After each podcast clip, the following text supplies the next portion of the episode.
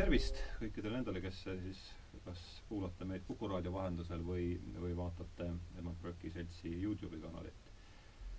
et eetris on äh, teine saade mm, sarjas Tähenduse teejuhid. Äh, esimeses saates olid meil külas Mihhail Lotman ja, ja Piret Kuusk ja me rääkisime äh, humanitaar- ja loodusteaduse suhetest, mis teadupärast ei ole alati mitte kõige pilvitamad saatesarja nimi on siis pärit äh, Jordan Petersoni tuhande üheksasaja üheksakümne üheksandal aastal ilmunud raamatust, samanimelisest raamatust, kust on siis ähm, ilmselt paljud need teemad, mida me siin käsitleme, on üht või üht või teistviisi sellega seotud. tänane saade on selles mõttes pisut erandlik, et me räägime, mille tema, tema seos otseselt äh, nüüd äh, selle raamatuga on, on küllaltki tinglik, laiemas plaanis on seos ilmselt siiski olemas. aga tänane saade on meil siis pühendatud Poola filosoofile Leszek Kolakowskile ja ma olen kutsunud temast rääkima siia stuudiosse kaks Toomast. Toomas Paul, siis teoloog, kirikuõpetaja ja, ja Toomas Jürgenstein tahaks esimese hooga öelda Riigikogu saadik, aga, aga, aga ja, ja õpetaja ja ja kuidas ma teid veel iseloomustaksin? jah, ma ise mõtlesin ka sellele, aga tegelikult ikkagi see on nüüd natuke must huumor, aga väga, ma, kui ma Riigikokku kandideerisin, siis ma kasutasin niisugust väikest loosungit, mis oli, et Riigikogu vajab õpetajat, see oli niimoodi mõnusalt kahemõtteline ja eks ma ikkagi õpetaja olen olnud ja eelkõige gümnaasiumis, Hugo Treffneri gümnaasium on mul kodu ja, ja ma võin uhkelt öelda, et olen seal ka hetkel null koma null viie kohaga ametis, mida ei ole küll liiga palju, aga, aga ikkagi on. selge, ja teil on ka ju te teoloogi, teoloogia taust, eks? jah, mul on ja, ja, ja, ja ka loodusteaduslik, ma saan nii palju, kui ma mäletan meie põgusast kokkupuutest jah, ei taha siin pikalt heietama ja. hakata, aga, aga tõesti jah, et mul on kõigepealt bioloogiharidus ja siis teoloogiharidus ja võib-olla seetõttu ma olen natuke niimoodi eh, võib-olla eh, teoloogiat avatult käsitlenud, et tegelikult minu esimesed usuõpetajad olid afgaani poisid seal Nõukogude sõjaväes ja, ja siis meil olid vene keeles jutuajamised Jumalast selge. põhjus, miks me täna Kolakowskist räägime, on see, et äh, siis äh, selle aasta alguses sai, nägi trükivalgust äh, selline teos, mis on nüüd juba kuues eesti keeles. ja neli raamatut olen ma siin siis, kolm raamatut olen ma siin kaasa toonud. minu arust esimene raamat, mis ilmus, kas ei olnud mitte, parandage mind palun, ma, ma ei hakka isegi seda tähe järjekorda üritama siin taastada, et meil on ilmunud siis Horror Metaphysics mm, -hmm. kelle tõlkijat ei õnnestunud meil tuvastada selle väikese juurdluse, saatele eelnenud juurdluse käigus, et kui tõlkija meid kuuleb, siis palun andke endast, andke endast märku. siis on ilmunud Religioonist alapealkirjaga Kui Jumalat ei ole olemas, mille on tõlkinud Joel Sang ja ülejäänud neli raamatut, äh, mida küsivad meilt suured filosoofid, äh, miniloengud Marxi probleemidest revolutsioon kui ilus haigus ja, ja siis viimane naeruvääristatud Jeesus, need kõik on tõlkinud äh, Hendrik Lindepuu.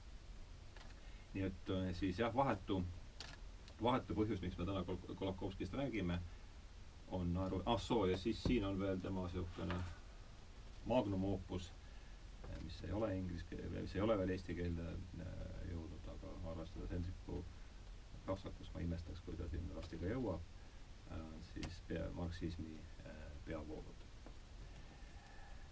nii, kuigi ma ütlesin, et, äh, et, et vahetu põhjus on siis selles, et ilmus meil aruväärselt Jeesus, ma tahaksin tänast arutelu, me oleme kokku leppinud, et me võtame tänase arutelu käimalükkajaks hoopis tema lühiessee kahe tuhande neljateistkümnendal aastal ilmunud kogumikust Revolutsioon, küllus, haigus. ja see kannab pealkirja kuidas olla konservatiiv, liberaalne sotsialist, katekismus. Äh, selgus äh, täna, kui ma seda asja natuke lähemalt uurisin, et see, see kirjutis on ilmunud juba üheksakümne teisel aastal Vikerkaares äh, vene keele vahendusel, nii et ja siis küll natuke teise, sisuliselt muidugi sama pealkiri, aga pisut teises sõnastuses. aga me leppisime siis kokku niimoodi, et et Kolakowski on selles essees toonud välja mm, siis äh, konservat-, nii konservatiivi, liberaali kui sotsialisti kohta kolm sellist põhitunnust. ja ma loen igast ühest esimese punkti, et me siin nüüd liiga selle ettelugemise peale liiga palju aega ei kulutaks. ja pärast igaühte natukene siis, äh, siis panen mina oma, tõmban mina oma suu koomale lasen rääkida äh, külalistel suuremas osas et äh, nii et siis kõige esimene äh, loen ette lõigu äh, siis Kolakowskis seitsmekümne kaheksandal aastal, seitsmekümne kaheksandal aastal ilmunud lühiessees Kuidas olla konservatiiv, liberaalne sotsialist. me mõtleme nagu konservatiivid, kui arvame, et mitte kunagi ei ole olnud ega ka tule inimelu sellist paranemist, mis mõne nurga alt ei tooks kaasa elujärje halvenemist ning seepärast peame igasuguseid reforme kavandades endast küsima, milline on nende hind. seda võib sõnastada ka teisiti. on hulgaliselt hädasid, mis võivad eksisteerida üksteise kõrval ning mille käes me võime järelikult üheaegselt vaevelda. kuid on arvu, kuid on arvukalt hüvesid, mis üksteist välistavad või piiravad ning mida me seepärast ei saa kunagi samaaegselt täies ulatuses nautida. Täiesti mõeldav on ühiskond, kus ei ole üldse vabadust ega võrdsust, kuid võimatu on niisugune ühiskond, kus üheaegselt valitseksid nii täielik vabadus kui täielik võrdsus. sama kehtib ka planeerimise ja autonoomia põhimõtte ning turvalisuse ja tehnika progressi kokkusobivuse kohta. teisisõnu, inim-, inimajalool ei ole happy endi. olge hea, Toomas Paul, alustame teist, et mis, mis mõtteid teis see, see iseloomustus, iseloomustus või see lõik äratas?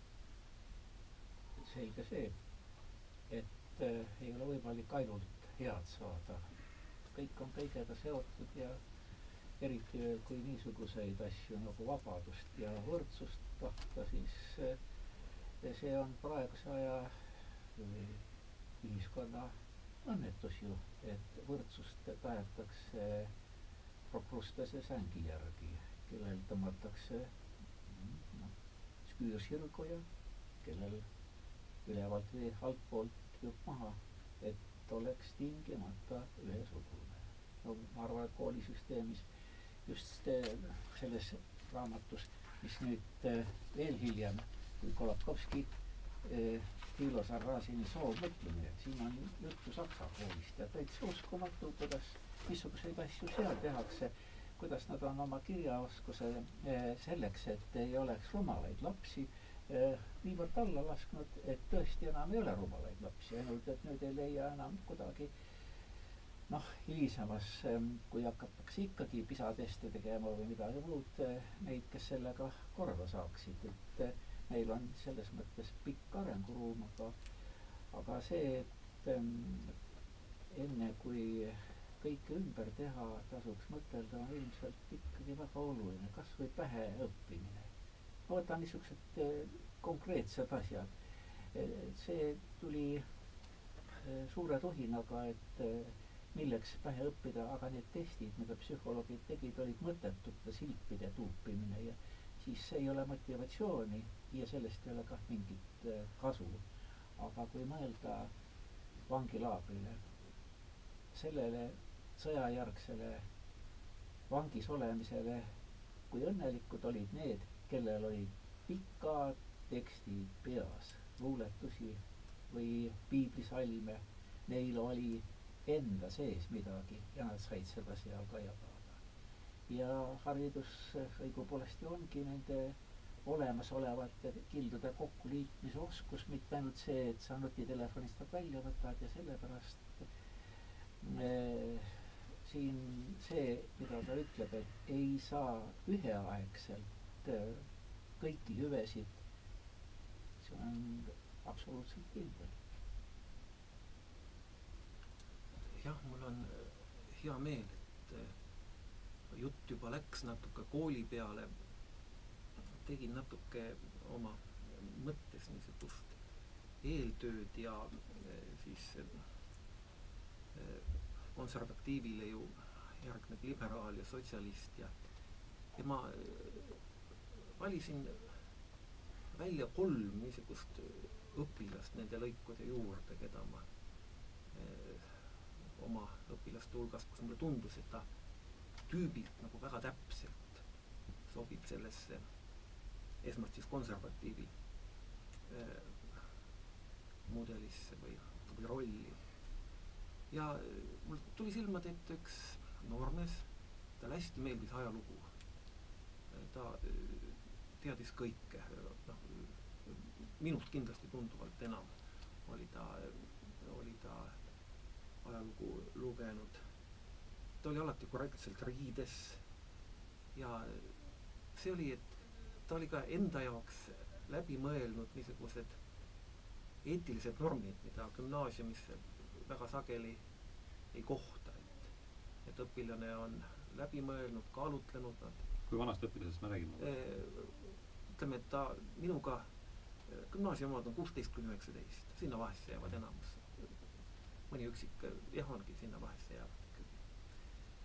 ja minu jaoks nagu tema sellesse, kui, kui, kui see esimene lõik ette loeti, siis mulle just tema tuli esmalt silmade ette. Ja, ja seesama, et, et niisuguseid ka kui jutt oli pähe õppimisest, mälumäng oli tal lemmiktäht. ala, ala, alati ta, ta, ta teadis, ta teadis äh, lippe äh,, maailma omi kõike peast äh, ja see stabiilsus, mis ütleme, kui tema tundidega on ikka sageli nii, et esimene tund võib-olla õpilased on unised, viimane tund nad on väsinud äh,, aga see, kui tema oli siis ta nagu suutis kindlustada kogu selle klassiruumi niisuguse teatava stabiilsuse, mul oli alati kellegi peale toetuda, nii et minu jaoks esimene lõik väljendas just mm. niisugust õpilast. ma väga täpselt ei tea, mis tast saanud on, see oli ikkagi mõni hea aasta tagasi, kui ta meil oli, aga aga kahtlemata niisugune stabiilsus,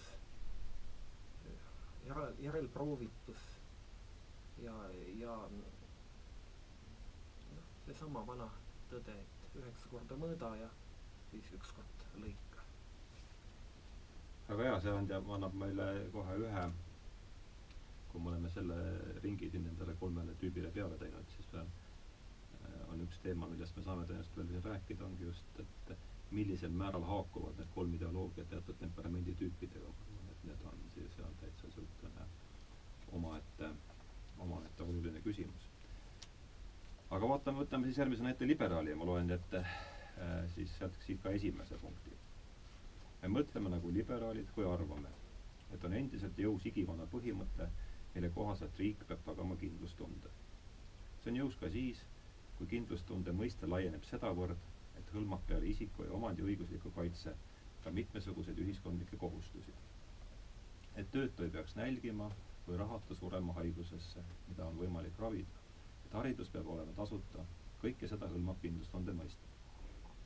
ometigi ei tohi mitte mingil juhul segi ajada turvalisust ja vabadust. riik ei kindlusta vabadust mitte sellega, et ta midagi teeb ja reguleerib, vaid just sellega, et ta midagi ei tee ja jätab mitmed eluvaldkonnad reguleerimata. Tegelikult saab kindlustunnet tõhustada üksnes vabaduse arvel. ka ei ole mingil moel riigi ülesanne teha inimesi õnnelikuks. Läheme siis samamoodi ringis, ringis edasi see paternalism äh, ju avaldub äh, väga paljudes äh, konkreetsetes asjades. see, et isa ei ole vaja, see on ju põhimõte, et täisväärtuslik abielu on, kui ema olemas on. ja et isa on niisugune aktsident, mis võib ju ka olla, aga kui aasta ema valimiseks läheb, siis häda, kui see kriteeriumiks seatakse isegi niisugusel korral on see kurjast. ja see tähendabki, et äh, riik võtab endale äh, isa kohustused. ta varustab piisavalt rahaga ja Francis Fukuyama on rääkinud sellest, kuidas see on niisuguse sotsiaalse turvalisuse jaoks just teistpidi väga ohtlik, sest kui neli silmapaari või kaks silmapaari jälgivad last, siis on see kontroll ja juhendamine hoopis midagi muud kui see vaene ema, kes peab üksinda rabelema. isegi kui see rahaline külg riik talle annab, aga ikkagi ta peab kõikvõimalikud rollid lapse jaoks täitma. ja see tähendabki, et ta paratamatult see laps otsib seda kindlust ja, ja mujalt nii et ähm, selles mõttes äh, siin on väga palju, mida riik teha saab. aga eh, noh, saab ju keelata ära aktsiisi tõstmisega või hinna tõstmisega, et ei jaksa viinapudelit osta enam. aga eh, kui mõelda, kui palju veel suuremaks ohuks tegelikult on, sellest ei räägita, sest see on poliitiliselt ebakorrektne kui suur surma põhjus on ülesöömine. ja, ja kõik sellega suhkrubi ja sellega kaasnevad haigused, siis tegelikult peaks rasva maksustama. peaks kiirtoidurestoranidele panema niisuguse hinna peale, et ta sulle ei anna seda suurt Coca-Cola äh, potti, kui sa tellid. ja äh, selles mõttes siin neid vabadusi, mida ära võtta selleks, et anda kindlusetunnet, on küll ja küll, aga kas see nüüd õnnetunnet suurendab, see on hoopis teine küsimus. jah, ma haakuks selle, sama on ta siis magusa ja rasvasusega, et siin me oleme ju tõepoolest evolutsiooniliselt hästi kaitsetud, sest noh, kui me, inimene liigina välja kujunes, siis loomulikult, kus koha peal oli natuke magusat rasvast, selle ta pidi kiiresti ära ampsama ja loodus tegi nii, et see asi on meile maitsev. sest noh, seda magususe kontsentratsioon maailmas ei olnud kuigi suur. ja, ja nüüd, kui, kui needsamad, on nad siis Mäkid või on, on iga nuka peal, siis noh, tõesti eriti noor inimene on on suhteliselt kaitsetu selle ahvatluse vastu. aga kui ma nüüd noh, ma iga ühe juurde vaatasin ühe niisuguse näite oma õpilaste hulgast, siis niisugune liberaal, kellest juttu oli, siis see oli nüüd üks tüdruk. Alguses ma mõtlesin, et, et talle meeldivad keeled, ta üsna pühendunult õppis, õppis võõrkeeli, ka ladina keelt, aga, aga mingil hetkel juba gümnaasiumi ajal teda tabas õigusteaduse vaimustus ja, ja ta sööstis nagu täie hooga sellesse, sellesse valdkonda. Kui noormehele, konservatiivile meeldis ajalugu, mälumängud, siis temale meeldisid debatid projektid, mida läbi viia. see, kuidas, kuidas ütleme koolis sedasama, et õpilaste aktiivsus, nende vabadus realiseeruks, et kuidas nad saaks kooli paremaks teha, kas ta tegelikult paremaks läks, on omaette küsimus. Aga tema oli niisugune ja kui oli siin juttu sellest liberaalist, siis just nimelt tuli tema mulle silmade ette nii, ja lähme siis viimase tüübi juurde.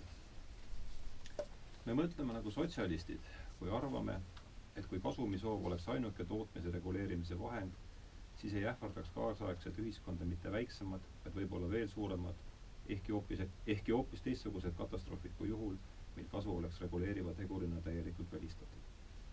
on kaalukaid põhjendusi, et piirata majandustegevuse vabadust enamuse turvalisuse nimel ja püüelda sinnapoole, et raha ei kasvataks automaatselt raha. kuid vabaduse piiramist tuleb nimetada vabaduse piiramiseks, mitte vabaduse eriliseks vormiks. Lähme jälle ringiga päripäeva.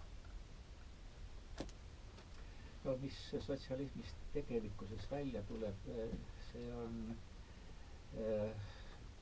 kes me oleme seda või meie vanemad, vanavanemad kogenud väga lähedalt paraku silma ees, aga sotsialismil või sellisel inimeste eest hoolitsemisel on ju ikkagi väga tugev külg, külgetõmbejõud äh, marksismil äh, läänes, kus seda praktilist külge ei ole äh, nähtud ja põhimõtteliselt ju on ju väga ilus, kui ka need, kes ei ole nii tublid kui teised, kui ka nemad saavad selle miinimumi eh, olgu see siis astmelise tulumaksuga või, või siis eh, konkreetsete toetustega eh,.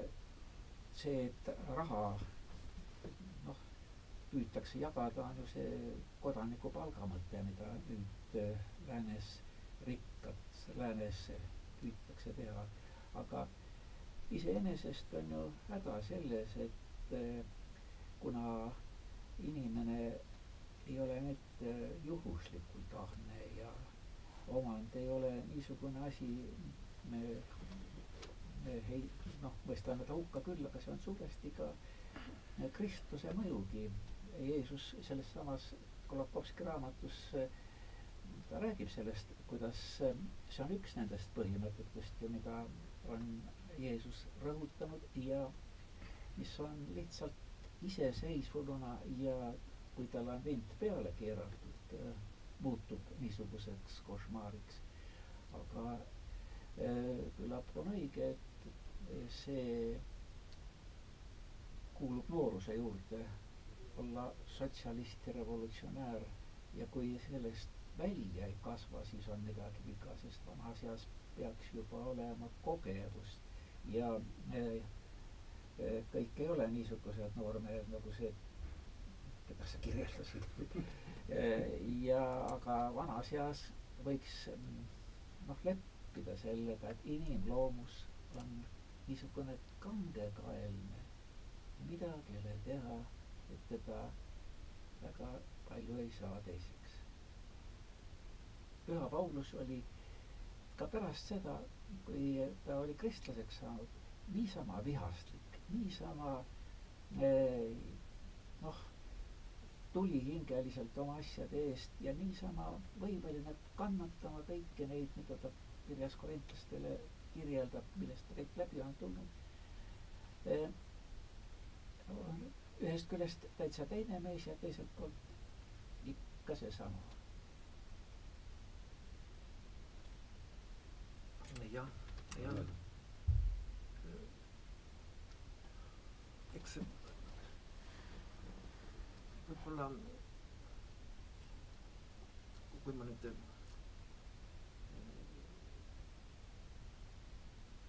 ma, ma kõnelen jah, kõigepealt selle, kui ma need kolm õpilast nagu silma ette tõin, siis ma jah, tõin ka tema. et ka siin oli tütarlaps ja tema suur kutsumus oli, ta käis loomade varjupaigas abiks. selleks ja, ja seda kõigi kolme, minu teada, ega ma ju päris täpselt ka kõikide elu ei tea, minu teada ikkagi kolme gümnaasiumi aasta jooksul oli see tema niisugune pühendumus hoolitsemisele ja siis tema jaoks hoolitsemisele nende eest, kellele on liiga tehtud ja ja sobisid talle niisugused sotsiaalained, ta oli niisugune omaette, ta ei olnud liiga seltsiv. Ja kuidagi mulle tundus, et et minu, minu jaoks nagu see, vahel ma küsi-, mõtlesin, et see, see on nüüd natuke laiem teema ja, ja see on muideks koolis on see möödas, aga mingil hetkel tuli väga ilus idee, et, et õpilased jõulukinkide asemel panevad raha kokku ja teevad annetuse kuhugi. ja mingil hetkel mulle oleks väga meeldinud, kui noh, üks klass teeb annetuse loomade varjupaigale, aga mingil hetkel neid annetusi nagu proportsionaalselt oli kuidagi väga palju, läks loomadele. sest ometi on ju, ometi on neid inimeste hädasid küll ja veel, kuhu oleks võinud ka minna. kuidagi mingil hetkel mulle tundus, et see proportsioon on paigast ära, kuigi ütleme, see klassid otsustasid iseseisvalt ja noh, ega sinna õpetaja tegelikult väga sekkuda ei saanud. ja siin mul ka kogu aeg nagu see jäi pähe taguma, et, et kas see hoolitsus ei olnud võib-olla suunatud nagu noh, natuke võib-olla sinna, kuhu mina noh, oleks ka oma hoolt pannud, aga ma oleks ka võib-olla natuke mujale pannud. aga niisugune hoolitsev, nõrgemaid tunnustav ja samas suhteliselt hästi nagu inimloomust tajuv oli see neiu, sest eks need loomad olid sattunud sinna paljuski inimeste kas rumaluse või hoolimatuse tulemusena. jah. Nii, no me oleme nüüd esimese ringi siin äh, peale teinud ja lähtusime siis äh, Leszek Kolakovski kogumikus Revolutsioon, kilus haigus olnud lühiesseest äh, mm, kuidas olla konservatiivliberaalne sotsialist, et meil oli plaanis siin edasi minna nüüd, ta joonistab siin välja kolm ideoloogiat või kolm põhilist kaasaegset poliitilist ideoloogiat, kuigi mulle tundub, et see sotsialist ja liberaal hakkavad, see on üks teema, millest me õpi-, aga võib-olla võtakski selle, mm, laseks selle mõtte veel siit ringist läbi, et et mulle tundub, et sotsialisti ja, ja liberaali on järjest raskem üksteisest äh, eristada, eriti Ameerika käes on see heliark meil siin praegu, eks, et seal on sisuliselt liberaal on äh, muutunud sotsialismi, sotsialisti sünonüümiks, et et mida te sellest kahe ideoloogia sellisest kokkusulamisest, noh, see tähendaks muidugi seda, et me läheme sellisele vasak-parem, vasak-parem vastanduse peale välja, aga aga võib-olla jah, niisugune ring siis la, lasta läbi. või võib-olla veel enne, tähendab, et eh, kui ma noh, ma lugesin selle essee üle ja ja siis kui ma mõtlesin noh, niisugust kokkuvõttena, siis mul tuli nagu kaks pilti siia mälusse. üks oli see sama vana Gotthold Lessingi Naatan Tark, mis jutustab, seal on võrdpilt kolmest sõrmusest, millest üks on originaal, kaks on koopiad ja need siis on nagu kolme monoteistliku religiooni judaismi, islami ja kristluse sümbolid ja, ja sellel isal on kolm poega, ta annab need ja see originaalsõrmus, see on see, mis selle kandjale annab niisuguse jumalale meelepärase ja jumalale ja inimestele meelepärase elu. aga sellel isal on kolm sõrmust ja tema ei tea enam, missugune on originaal ja missugused on koopiad mm.. Ja need lähevad kolmele, kolmele pojale ja noh, siin on ka meil kolm, on nad siis pojad või tütred. ja, ja see, kelle käes on originaal, seda peaks näitama niisugune siis jumalale ja inimestele meelepärane elu või, või siis see tegevus äkki Toomas mäletad, on see Naatan Tark mul enam-vähem õigesti meeles? Selles mõttes jaa, et need sõrmused olid äh, sassis ja, ja see tulebki nõnda, et mõte on seesama, mida Karl Popper ütleb, et ei ole olemas institutsioonilisi vahendeid inimese õnnelikuks tegemiseks, vaid nõudmine, et neid ei tehtaks õnnetuks, kui seda saab vältida. et eh, milline kellegi käes on, oleneb ilmselt ka ajastust, et eh, teatud eh, puhul on paratamatu see, et tuleb teine külg ette pöörata, kui on ebavõrdsus väga suur, siis on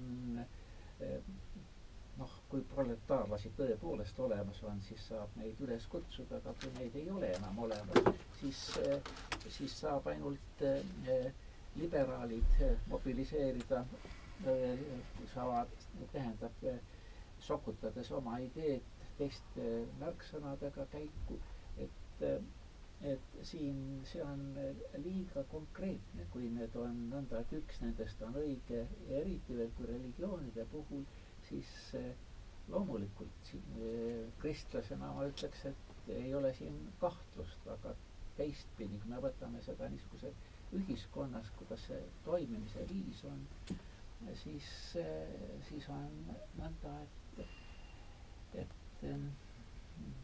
see ei ole ainukene kriteerium, mis inimesele kasulik on.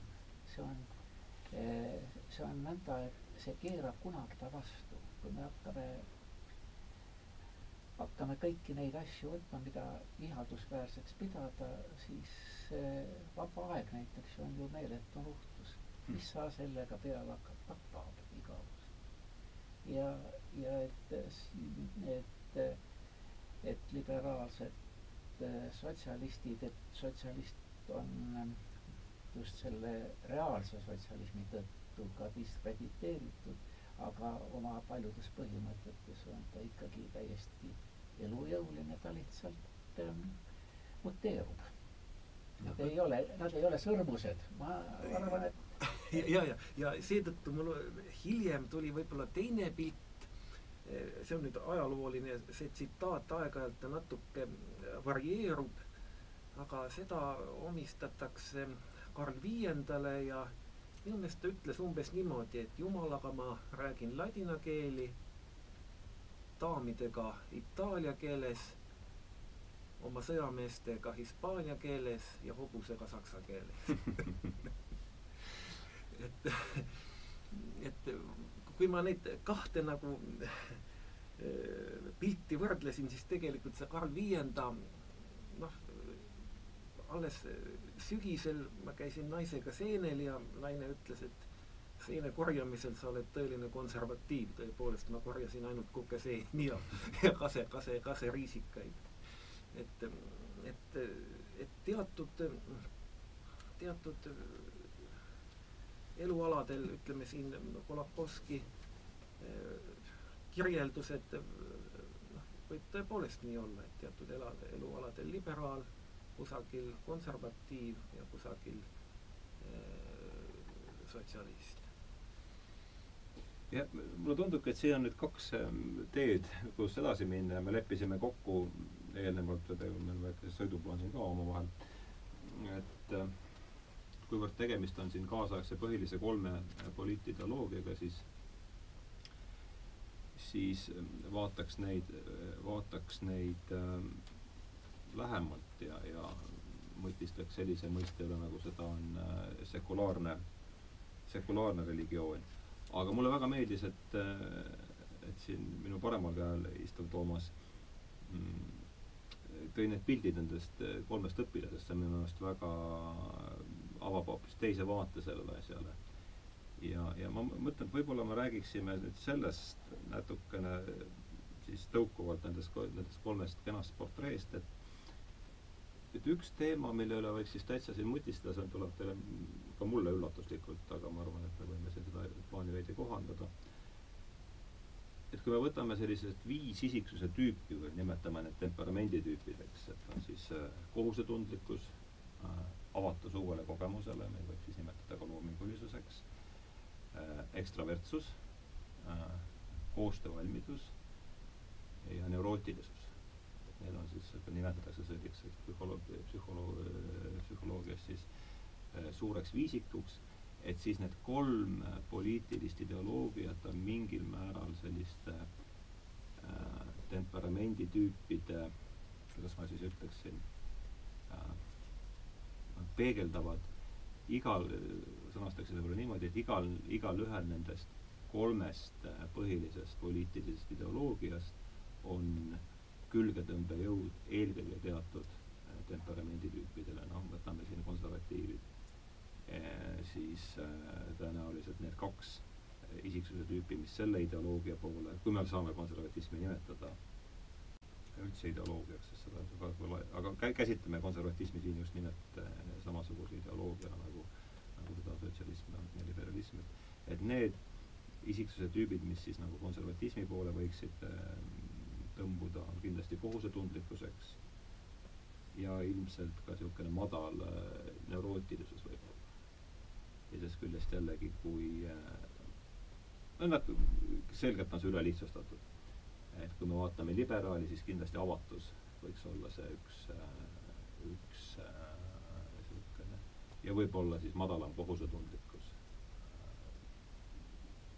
ja ma ei, ütleme, et kui sada protsenti kohusetundlikkus ei ole, on minu silmis siin sama halb kui null kohusetundlikkus, eks.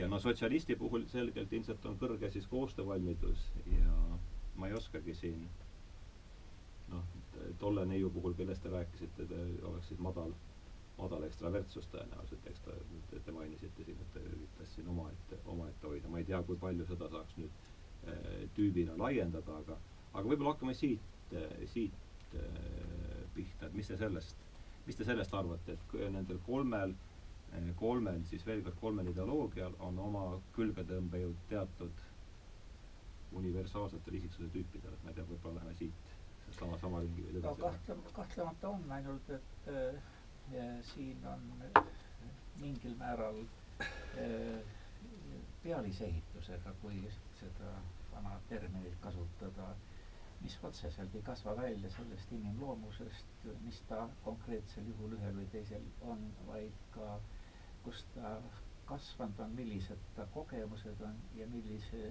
teoreetilise raamistuse ta saab, sest see oleks liiga hea. see on siis see, mis tuleb oleks... veel selle temperamenditüübile peale, jaa, ma jah, just. mõtlen seda, et see oleks liiga hea tahta või loota, et äh, kas kooli minnes või siis ka gümnaasiumi lõpetades oleks tal valikuvabadus, mida ta tahab nendest.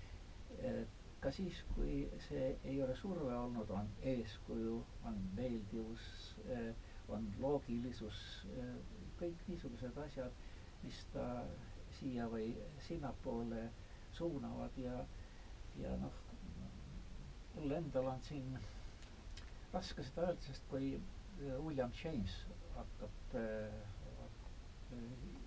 peale, siis ta ütleb, filosoofia, filosoofid jagunevad temperamendi järgi. Mm.. nii et see mõte iseenesest on täitsa olemas, ainult ma ikkagi natukene kahtlen, kas ta nii väga füsioloogiline on e,.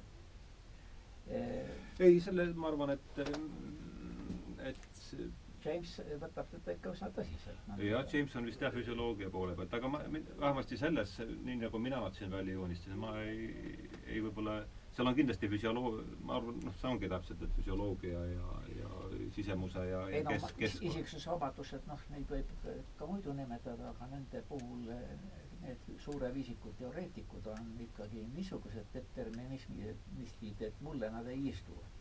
ol-, neid võib sedapidi öelda, et nad on konservatiivid, nad on endale teooria teinud ja selles, et nad dogmatistid on, ei muutunud ju konservatiiviks veel see, et nad ühe teooria küljes on.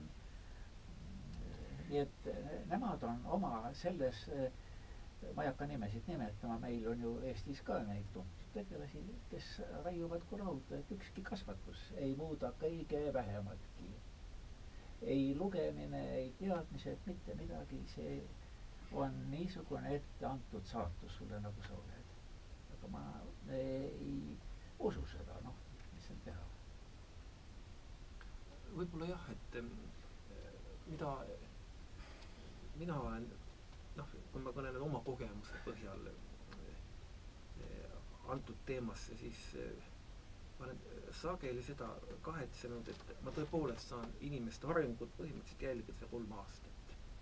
ja eh, aga noh, edasi tuleb kolmkümmend ja, ja kui jumal annab, siis tuleb veel kolmkümmend ja võib-olla veel natuke. ja ja nii, noh, see on, Jaan Tätte on mul vana kursuse vend. siin tuleb võib-olla noh, teoloogias see, see Sõprade laulu see,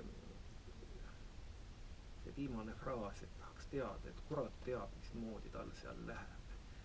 ja, ja, ja mõne puhul nüüd on see Facebook on niisugune natuke imede maa, sa, ma olen avastanud, et oot-oot, et noh, ega sealt ju liiga palju infot ka ei ole, aga mingid pildid ja mõne vana õpilase kohta, et mina, mina kujutasin teda ette ikkagi no absoluutselt mitte seda teed minemas või, või et, et kuidas ma, kuidas ma neid eeldusi tal tähele ei pannud. pigem ka, et ma niisuguse determinismi osas olen eh, üsna ettevaatlik, üsna ettevaatlik. Ma ei tahtnud siin ja, endast absoluutselt kõigepealt ma, minu kokkupuude suure füüsikamudeliga on üsna, pinnapealne, aga aga loomulikult on, kui me vaatame nüüd kahekümne aastast inimest, et siis et noh, tema neurootilisusele või siis kohusetundlikkusele, noh, seal ilmselgelt on, ilmselgelt on mõju avaldanud nii tema niisugune füsioloogiline sättumus, ka see, kuidas teda on kasvatatud, aga olukorras pigem minu niisugune mõte oli see, et kui me ta nüüd võtame, seal ta on kahekümne või ka kolmekümne aastane inimene, kellel on oma noh, siis geneetiline sättumus oma kasvatust selles oludes, kui ta on kõrge kohusetundlikkusega ja ja madala neurootilisusega, et siis ta tõenäoliselt, me võime või see on minu küsimus, et siis ta tõenäoliselt võib-olla äh, tõmbub äh, pigem konservatiivse partei konservatiivse partei poole, kui inimene on avatud uuele kogemusele äh,, võib-olla mitte nii kõrge kohusetundlikkusega, siis noh, ja jällegi mis tahes põhjustel, nii füsioloogiliste kui kasvatused, siis ta pigem mm, võib-olla valib liberaali, et see on lihtsalt see tee-, see, see, see oli see tees, mille ma siin, mille kohta ma tahtsin teie arvamust kuulata. ja, seda ma olen küll tajunud, tähendab oma õppetöös, et kuna ma ka filosoofiat õpetan, et et teatud võib-olla noh, teemade puhul võtta e-, ega, ega ma ju ka alati nii täpselt ei jälgi, aga näiteks Kierkegaardi puhul, Sören Kierkegaardi puhul või, või, või siis võib-olla varasemast ajast Augustiinuse puhul, kuidas noh, ma tunnetan, et ühe, ühele õpilasele see asi noh, käis see ahaa-elamus või ja, ja, ja ma tõepoolest näengi teda see kolm aastat käimas Kierkegaardi raamat kaasas. hea küll, mitte kolm aastat, sest tegelikult filosoofia tuleb kaheteistkümnendas klassis mis edasi saab, ma ei tea, aga, aga see, et, et äh, mingisugune niisugune noh, filosoofia küll noh, suhteliselt pinnapealsel tasemel äh, jõuab nagu koju või, või noor inimene tunnetab, et see on minu. seda ma olen näinud küll. Samas ma ei tea, kui pikalt see kestab, enamasti mm on teil midagi lisada? ei oska, ei oska, sest selleks peaks pikalt jälgima ja ega need niisugused üksiku inimese tähelepanekud ähm, ei kaalu üles seda, mis oleksid suured uuringud ja, ja ma suhtun väga skeptiliselt kõigisse sotsiaaluuringutesse. Et siin ma selles mõttes palun juba ette vabandust, et ma midagi ei ole teha, väga skeptiline olen. et eh, need on suuresti sellest raamistikust, millega inimese kallale minnakse ja, ja kõik nad töötavad teatud piiril, kõik vastavad sellele, ainult et eh, kui võtad natukese teistsugused, siis tuleb ka teine pilt ja. Vist on jah aga lähme siis seda teist, jätame need temperamenditüübid mm, praegu sinnapaika ja ja, ja lähme selle väite juurde, et kõik need kolm, seekord me räägime siis kolmest kaasaja põhilisest poliitilisest ideoloogiast, konservatismist, äh, liberalismist ja sotsialismist, on sekulaarsed religioonid. teeme sellele väitele nüüd jälle väikse ringi peale kui me siit edasi läheme. Secular religion on äh, tsiviilreligioonina niisugune väga konkreetne. jah, aga ma võtaks võib-olla ja mitte seda, mitte sellises äh, võib-olla natukene sellises äh, siis metafoorilisemas tähenduses mm. -hmm. no aga, aga rääkige sellest ka jah, et see on, no, see on sama, aga mitte ainult sellest, vaid siis ka Jaa. sellest see tähendab, et religioossus on ilmselt samasugune vajadus inimesele nagu vajadus armastuse ja tunnustuse ja läheduse ja tähendab eh, kuna ta on nii püsiv olnud, siis otsida mõtestatutust oma tegudele, eh, see on üks religiooni, see lohutuse otsimine on kah teatud inimestel aga ma arvan, et noore inimese jaoks on pigem elu mõtte otsimine. Ja kui talle öeldakse, et äh, vaata siin, siin me sõdime kapitalismi vastu. Ja see toimib praegugi veel, veel paremini toimib, kui tule, lähme Süüriasse, asume kolonialistile vastu seal, tule ISISesse. no me kui palju tüdrukuid Saksamaalt läheb sinna mehele, sest Saksa mehed on kõik niisugused, noh, need pole ju mehed. mis sa nendega peale hakkad, aga vaata, seal on tõelised mehed. ja selles mõttes siin, selleks kõlbab eh, üsna mis tahes ideoloogia, et religiooni kohta asendada. nii et eh, see külg jääb hoopis kõrvale, mis sellele metafüüsiliselt vastata võiks, aga lihtsalt kuna see vajadus on olemas nii hästi selle rühmatunde jaoks, et midagi üheskoos teha, mille annab kas siis kogudusse kuulumine või siis rünnakrühmlane olemine või või kas või teatud jalgpallimeeskonna ja võtad oma särgid ja lipud ja, ja rändad sinna, et seal kakelda, kus nad järgmises kohas võistlevad. no egas muidu ei saaks ju olla miljonid nende töötasu. tähendab, see on, see on nõnda, et see on religioon, mis võtab inimese kõige saba ja sarvedega jah, see oli eile oli, just haakus selle, ma ise sellise väikse vahemärkuse siin, et äh, nägin eile niisugust pikemat intervjuud Steven Pinkeriga, Harvardi psühholoogiga ja tema just seoses selle spordi äh, temaatikaga tuli see sisse, et ta, ta tõi, tõi seal mitmeid, mitmeid äh, tähelepanekuid nagu välja, et kuidas on kui me vaatame parem- ja vasakskaalal Ameerika poliitikat, eks, et siis enne vasakpoolseid iseloomustas selline leplik suhtumine Venemaasse ja, ja parempoolsed olid hästi niisugused äh, karmi käe Venega Venemaa poliitika, nüüd pärast Trumpi on see muutunud. samamoodi on muutunud suhtumine vabakaubandusse peaaegu diametraalselt. siis ta tõi samasuguse just selle spordivõistkondadega, et kui et kui noh, võtame siin lihtsalt näiteks, kui Wayne Gretzky mängis Edmontonis, siis ta oli äh,, siis ta oli noh,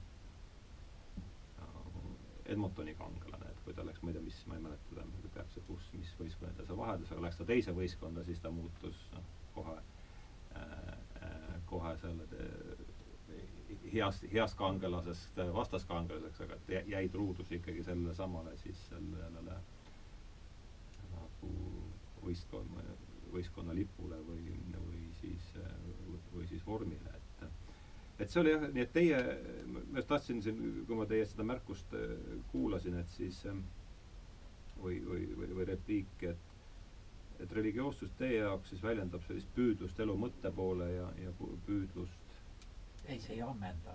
Aga ta- see on üks üks olulisi. miks need eh, nimetatud kolm poliitilist ideoloogiat, kui nad on intensiivsed. Annavad nii, rühmatunde nii nagu see loomaarmastus, kui see on intensiivne, siis tal ei ole seda tühja kohta. annab põhjuse hommikul voodist üles äh, teki alt välja tulla ja, ja no see on, see on nüüd evolutsioonipsühholoogide väide, mida teoloogi suust on võib-olla kole kuulda, aga see on see handicapi eh, teooria, see tähendab, et mida suuremad panused, seda olulisem on religioon. Ainult need kibutsid töötavad, kus on kord ja kus on eh, usu vennad ja õed koos Iisraelis ka ei ole kolositest nad muidu üht edukamad osutunud. ja mida rohkem nõutakse, see on nõnda, et kui see sekt sinu käest väga palju tahab ja see on üks ka sellesama, jälle jõuame nende moslemivendade või millise tahes nende juurde, salafistid nõuavad rohkem ja saavad rohkem. Mm. Ma vabandan, ma ikkagi ei saa veel oma kooliõpetaja trollist välja, aga hästi mäletan, see oli aastal kaks tuhat, ma kirjutasin ühe artikli tänapäeva kirikupea Bill Gates ja ma sain Toomaselt selle eest kiita. Ja see meil on mul alles. no jah, omajagu tagasi. aga sellest ajast alates esimene usundiloo tund ta siiamaale töötab, ta on natuke vanaks läinud, sest seal mõned noh, mõisted on natuke vanaks läinud. ma panen õpilaste ette slaidi, üleval on küsimus, kas arvutiusk on religioon ja siis seal tulevad need rollid, et on olemas paavst, kelle nimi on Bill Gates, on olemas Eesti piiskopid, kelleks on Skype'i loojad noh, seal on muud asjad, et kuidas tegelikult on ju äh, selle usu inimese pilk on suunatud ikoonidele, äh, on olemas omad ketserid, keda nimetatakse häkkeriteks ja ühesõnaga see on, sest et noh, tänases sekulaarses Eestis üldiselt õpilane ei tea, mis asi see religi- või noh, mis religioon on, aga mis on see IT-arvutimaailm, seda ta teeb hästi. ja, ja siis ta hakkab mõtlema, et, et mis siis puudu on, et noh, just nagu ei ole igavese elu lootust, aga mul on näiteks traagiliselt hukkunud õpilasi, kelle Facebooki kontod elavad, sinna kirjutatakse, sinna soovit-, soovita-, soovid, et see või teine asi, et lõpuks on asi nii uus, et võib-olla see teema ei ole veel nii aktuaalne. ühesõnaga, ma leian nende küsimustele või vast-, etteheidetele vastused. noh, lõpuks küsitakse, aga kes see Jumal on. aga siis, kui me vaatame, et nad teavad väga hästi, et niisuguseid mõisteid nagu tehnoloogia või progress ja, ja kui nad hakkavad vaatama, et siis võib-olla ei olegi, see ühisosa võib päris suur olla, aga aga noh, eesmärk on mul see, et kolme aasta jooksul noh, nad eh, võib-olla leiaksid, et selle, eh, selle nii-öelda selle arvutiusu või selle, et seal all on, eh, on olemas tegelikult niisugused noh, ajaloolised religioonid ja allikad, mis on kus koha pealt pinnalt võrsuvad needsamad ideoloogiad, millest juttu oli, ja, ja üks asi, ja, mis tõepoolest haaravad inimesi, on nad siis kas Süüria või mingi muu idee teega ja, ja tõepoolest mõtestavad seda vastavate inimeste elu, nad tõepoolest leiavad sealt oma elule teatava mõtestatuse. ja, ja noh, loomulikult minu see õppetöö eesmärk on see, et, et suunata neid noori uurima ka neid päris religioone. aga see, et ütleme, noh, nüüd on see aeg natuke teine, sest igalühel on nutitelefon, aga mäletan, kui arvutiklassid tulid, õhtul koolimaja hakkas juba kinni minema üheksa paiku, võis sinna sisse astuda, see oli näha, see oli õpi-, see oli püha tegevus, seda ei tohtinud segada, ütlesid mõne sõna, vaadasid vihaste pilkudega see oli see, mis mõtestas nende noorte elu ja, ja et eh, seetõttu on mul hästi tuttav tunne, tähendab, näha eh, ka nendes ideoloogiates niisuguseid noh, religiooni pinnalt võrsunud neid samu tsiviilreligioone. Ja üks asi, mida ma võib-olla poliitikuna eh, olen püüdnud nagu öelda, loomulikult üsna eba, ebakindlalt ja võib-olla mitte, mitte liiga intensiivselt on ju just see, et, et ütleme nendes tsiviilreligi-, noh, joonides või ütleme siis nendes niisugustes ideoloogiates, et, et sedasama kirglikkust ei tohiks jätta äärmustes, äärmustele. et, et seal selle ideoloogia keskel võib olla samamoodi kirglik oma seisukohti kaitstes, sest mul alati tuleb meelde see vahva Giovanni Quaressi raamat Don Camillo väike mm. maailm, kus Don Camillo kohalike Itaalia kommunistide juhi Pepponega või oma küla kommunistide juhi Pepponega on väga vihased vastased, aga kui keegi ikkagi tead, äärmusest tuleb, siis nad ühendavad oma jõud. Ähm, võib-olla ma arvan, et nüüd on, meil on tunnike siin hakkab täis saama, et läheme, läheme teise saate osa juurde, aga enne kui me seda teeme äh,, täpsustame veel selle tsiviilreligiooni mõiste ka, et äh, et mis, kuidas kumbki teist seda, mida te selle all mõistate? noh, eestlase jaoks on see äh, vähem neid tunnuseid, äh, laulupidu on päris kindlasti aga ameeriklase jaoks on ju lipp ja hümn ja, ja noh, niisugused, terve hulk niisuguseid asju, milles, millega kasvatatakse nendest Ameerikas, et nüüd selle tõttu, et nad peavadki väga erinevaid inimesi, kes sinna tulevad, ameeriklaseks tegema, siis ongi vaja religiooni, mis oleks Ameerikas, usk Ameerikasse selle suurusesse ja tugevusse. niisugune mingi suur, suur, suur narratiiv siis. suur narratiiv ja, ja äh, mis sellesse noh, meie senisesse arutellu, et äh, kuidas see ühel või teisel korral avaldub, siin äh, on nõnda, et maailm on fraktaalne. see tähendab, et kui vaadata elusolendeid, siis teatud organitest või kudedest võivad saada käed, loivad või tiibad. ja äh, nõnda, et äh, seesama muster, uut ei leiutata, vaid sama asja kasutatakse teiseks otstarbeks mm.. ja siit ma ütleks oma seisukoha, mis muidugi mitteusklikele ei tarvitse meeldida, aga aga eh, on olemas ähm, see eh, niisugune originaalne religioon, mille taga on ilmutus eh, teatud inimesele või isikutele, kes siis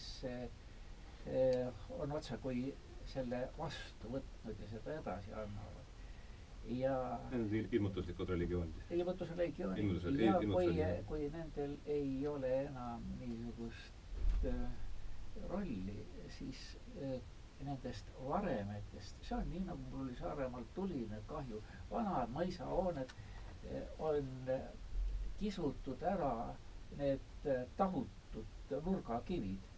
Ja hoone on püsti, aga sealt on veetud need kivid ära, just nagu baasi ei oleks aga noh, Vene ajal oli ju noh, täitsa lubatud tegevus ka parunite vastu niimoodi, et, et kisud need kivid välja ja nendest laovad endale koduaeda midagi. Ja äh, nüüd tuleb see, mille pärast ma ütlen, et see ei ole ilus teil kuulata, et suuresti need ähm, ideoloogiad on uue aja nähtused, neid ei saa antiikmaailma, neid ei saa äh, Eh, konfutsiaanlikku Hiinasse kuigivõrd rakendada, muidugi võib öelda, et nad olid seal konservatiivid, aga see ei ole niisugune, nagu ta praeguse poliitilise liikumisena on. see tähendab, et siin on võetud need tükid ja eh, kuna see tung on religiooni järgi olemas, siis on nad siin olemas ja see on pseudo, see on ebajumala tee. see ei tähenda, et ma eh, noh, saaks neid võrdväärseks pidada, aga fenomenoloogiliselt on nad väga-väga sarnased mm. -hmm. jah, ega mul palju lisada pole selles mõttes, et, et samamoodi ma ju noh, lõppude lõpuks poliitikas on ta konservatiiv, liberaal või, või sotsiaaldemokraat või sotsialist, eks ta ju, kui ta indiviidina neid sügavamaid juuri tunnetab, vähemalt otsib, siis nagu minu jaoks on kõik nagu noh, enam-vähem paigas. ta on leidnud sealt religioonist teatud võib-olla tükikesi, mida ta oma poliitilises tegevuses tähtsustab või millele ta pühendub aga, aga kui tal samal ajal noh, ta tunnetab lõpp, lõppude lõpuks ta võib ka seda seost otsida mingi filosoofiaga, et kuidas ta sügavamat seost otsib või vähemalt annab aru, et see on olemas. et siis nagu minu jaoks on nagu kuidagi vastava inimesega see suhtlemine näiteks tunduvalt lihtsam. aga, aga sageli, kui on tõepoolest ainult teatud niisugune ideede kogumik, mis, mida pigem võib-olla on ka vahendiks millegi saavutamiseks, siis ma möönan, et ma olen küll poliitikas väga kogenematu, aga, aga siis ütleme, sedalaadi inimestega on suhteliselt raske. no nii, me olemegi olnud tund aega stuudios, et aeg on tõmmata sellele saate esimesele poolele võib-olla äh, joon alla, see siis suuresti tõukus äh, Leszek Kolakowski lühiesseest kogumikust Revolutsioon kui ilus haigus, kuidas olla, see oli liberaalkonservatiiv, konservatiiv, liberaalne sotsialist. et nagu me eelnevalt kokku leppisime, mm, keskendume siis teises pooles mm, tema teisele esseele, mis on siis pärit sellest äh, kogumikust, mis nägi trükivalgust äh, vähem kui kaks kuud tagasi. ja valisin siit välja selle, selle essee, millele meil, mille, millest ma tahaks teiega täna siin pikemalt rääkida. selle, see siis kirjatükk annab pealkirja Amatöörlik jutlus kristlikest väärtustest ja kui ma enne lugesin ette eh, siis sellest eh, katekismusest kolm lõigukest, siis siit ma loeksin eh, nüüd arutelu käivitamiseks ette ühe lõigu. ja see oleks siis järgmine põhiseadusesse raiutud kristlikud väärtused ei ole head põhimõtteliselt. See väljend ei kuulu, see väljend ei kuulu usukeelde, pigem sotsioloogia või, või siis eetikateooria sõnavarasse. nagu juba öeldud, ei apostel, ei apostel Paulus ega püha Augustinus kuulutanud, et räägivad kristlikest väärtustest. sest kui räägitakse kristlikest väärtustest, siis räägitakse justkui kõrvalseisjatena. Neid, kes tahavad seaduses mainida kristlikke väärtusi, võib kahtlustada soovis teha kristlusest ideoloogia mida ka Kristus kohe kindlasti ei ole. kui põhiseaduses oleks kirjas kristlikud väärtuses, väärtused, siis see ei muudaks ilmalikke institutsiooni kristlikemaks, kristlikemaks, vaid vastupidi, see ilmalikustaks Kristust. ja ma olen siin kolm hüüumärki teinud siis äh, lause kõrvale. Neid, kes tahavad seaduses mainida kristlikke väärtusi, võib kahtlustada, võib kahtlustada soovis teha kristlusest ideoloogia, mida ka Kristus kohe kindlasti ei ole. Nii et mida siis sellest väitest arvata, et Kristus ei ole kindlasti ideoloogia, et kuidas ta eristub, me rääg-, oleme siin päris, saate esimeses pooles me rääkisime päris pikalt, mis on ideoloogia, milles, mis pooles Kristus nendest eristub, oleks võib-olla niisugune teise saate teise poole niisugune keskne küsimus. no selle lause me peame panema konteksti ja see on tuhat üheksasada üheksakümmend kuus poolakas. Poola oli nõukogude aja eh, oma katoliikluse tõttu eh, Eesti omadele nii luterlastele kui paljudele teistelegi ikkagi just sellise rahvusluse ja religiooni liitumise tõttu eh, niisuguseks ideaaliks, võiks öelda isegi paljudele otseselt kohe. aga igal juhul see, mida Kolakovski räägib, see puudutab eh, seda uut Poolat, kus kirik eh, selles uues olukorras väga jõuliselt püüdis endale eh, ka poliitilises elus, seaduseloomes ega see, neil ei ole praegugi taganenud, et nad paljudes küsimustes tahavad sõna sekka öelda. Ja selles mõttes on siin ainult põhjust äh, nõustuda sellega, et äh, sellega Kristuse taandatakse eesmärgist vahendiks. kõige hullem selle juures ongi see, justkui oleks see sarnane, sama asi, aga ei ole.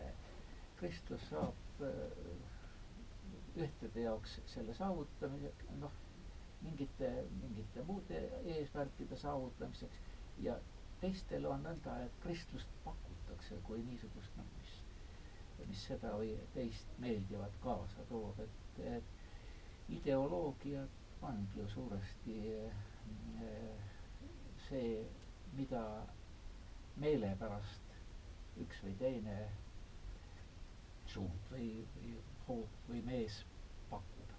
ja kui eh, Kolakovski Jeesusest räägib, siis ta võtab just evangeeliumi teatud põhimõtted kõige olulisemaks peab ta, et eh, Jeesuse põhimõte on armastus ja armastuse ja usalduse suhe tühistab seaduse.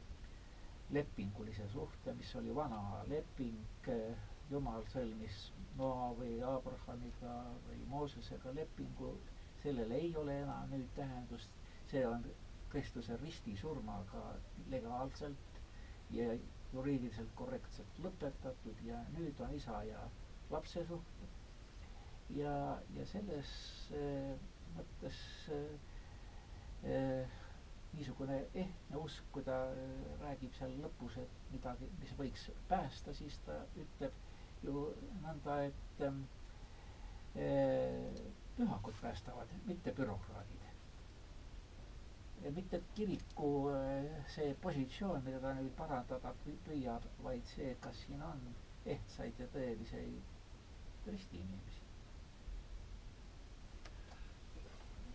jah,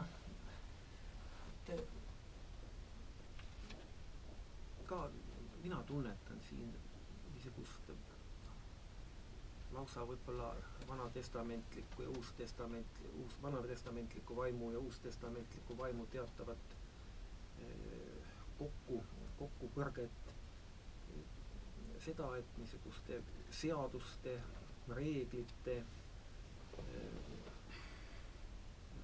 soovituste abil noh, seda ideaali, ideaali lihvida, noh, seda võib võib ähm, lõpmatuseni üritada, võib lõpmatuseni üritada, aga mulle tundub, et see on üsna lootusetu ettevõtmine. mulle tundub, et see on üsna lootusetu ettevõtmine. ja noh, loomulikult seda, see on ka seadusandlikul tasandil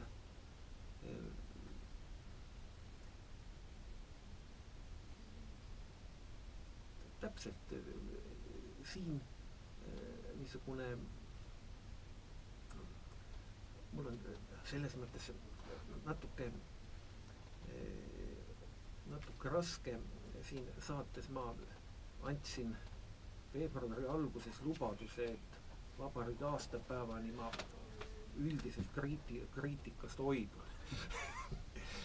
Seetõttu mul vahepeal nende sõnade otsimine otsimine eh, läheb natuke visalt.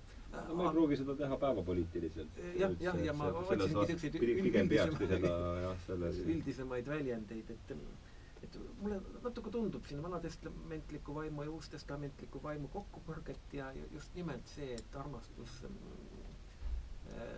ületab seda seadusandlikku või juriidilist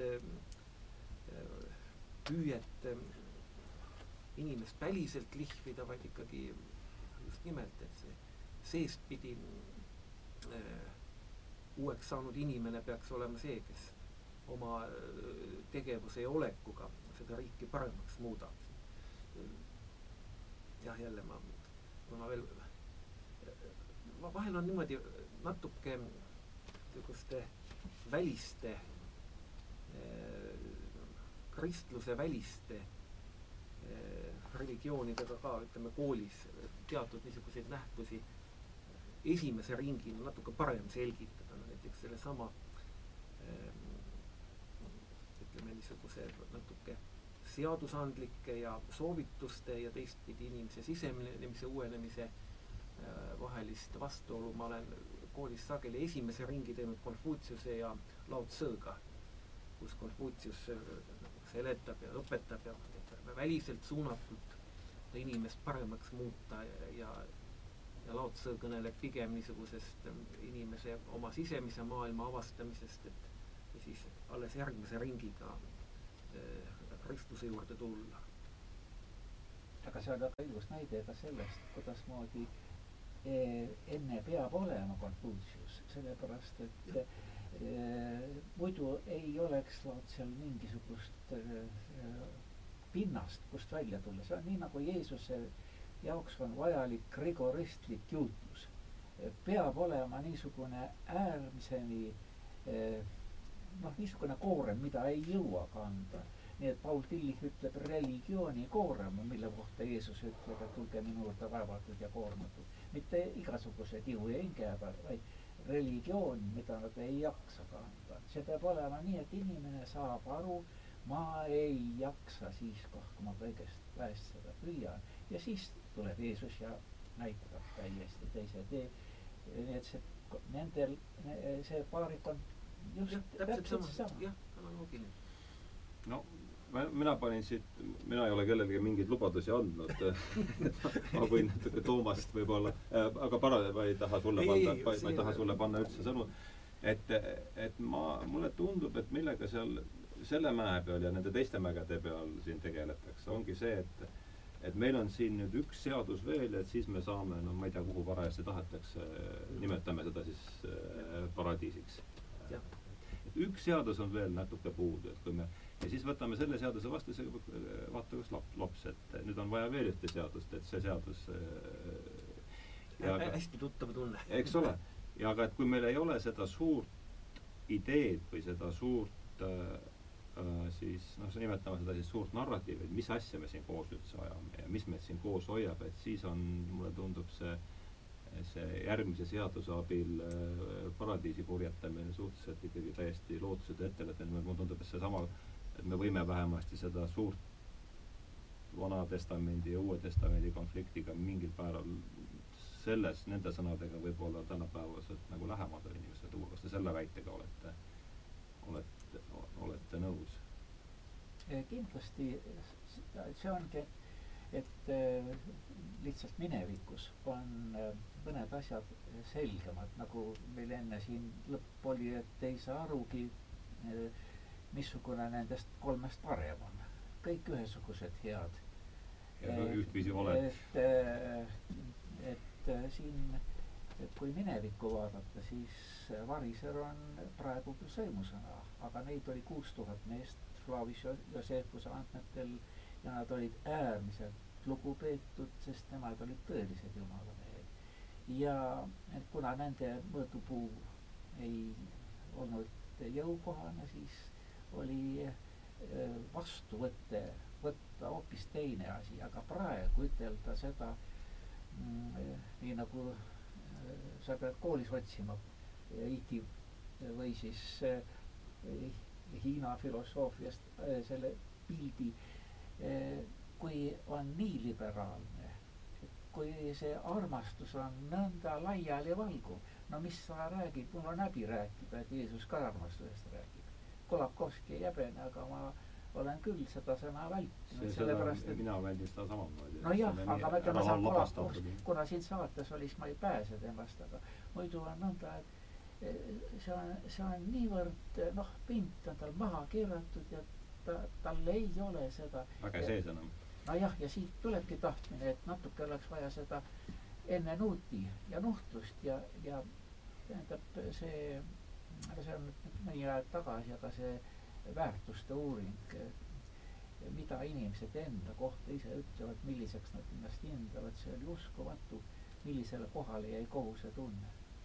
tähendab, see, see on niivõrd olematu, seda Baumait, see üks, üks tahtejõu uurija noh, toob seal niisuguseks sissejuhatuse näiteks, et Eh, Freudi ajal oli nõnda, et see on sada aastat tagasi Viini ühiskonnas olid kõik raudsetes raamides, nad olid kombekad, täis neuroose ja komplekse ja seksuaalfantaasiaid ja, ja siis tema need vabastas, pani nad košeti peale ja laskis neil siis seal unistada.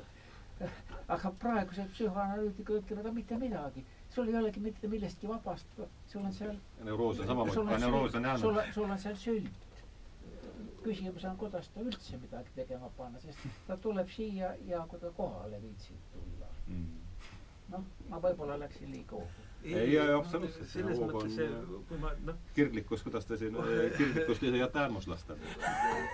mul lihtsalt isiklik mälestus, nüüd ma eh, möödunud aasta kevadel jah, käisin Freudi kortermuuseumis lihtsalt juhtusin ja. Bergstrasse? jah, jah üheksasse kuus. ja sealsamas diivani ees ma ka mõtlesin, et, et, et tol ajal, tol ajal tõepoolest inimene häbenes neid oma või noh, alateadvusse suunatud, aga tänapäeval ta vist naudib pigem. vähemalt osasid. aga neuroosist pole ikkagi lahti saanud, olen see on ka tõsi. see on ka tõsi, eks. see ainult et selle põhjused on teised. põhjused on teised, et sa tunned, et sa oled ise ka ei ole endaga rahul. aga põhjuseks ma arvan, et kui enamikku küsida praegu, see on kapitalism. no see on nõnda, et ei mulle, saa mulle tundub, et see on, see on üks suur põhjus, mida, mida siin tuuakse, no vähemasti osa seltskonnast toob. võib-olla ma hakkan ka hakkame siin, hakkame siin hoogu minema, aga mulle tundub, et üks abstraktne nimisõna, mis on alati hea võtta, et on, on süüdi siis kapitalism või on noh, mingi tei- no,, mingi teistsugune see, see näitab, sama absurdne abstraktne nimisõna? tead, see on niisugune näide sellest, missugune mälu, mälu on inimesel, haugi mälu. ta, ta, tal ei tule see meelde, mis maitse oli siis, kui banaani maitset ei teadnud. aga, palun. ei, küllap ma tahtsin veel lihtsalt repliigi siia lisada. jaa, jaa, aga palun, see on sinu privileeg, teie privileeg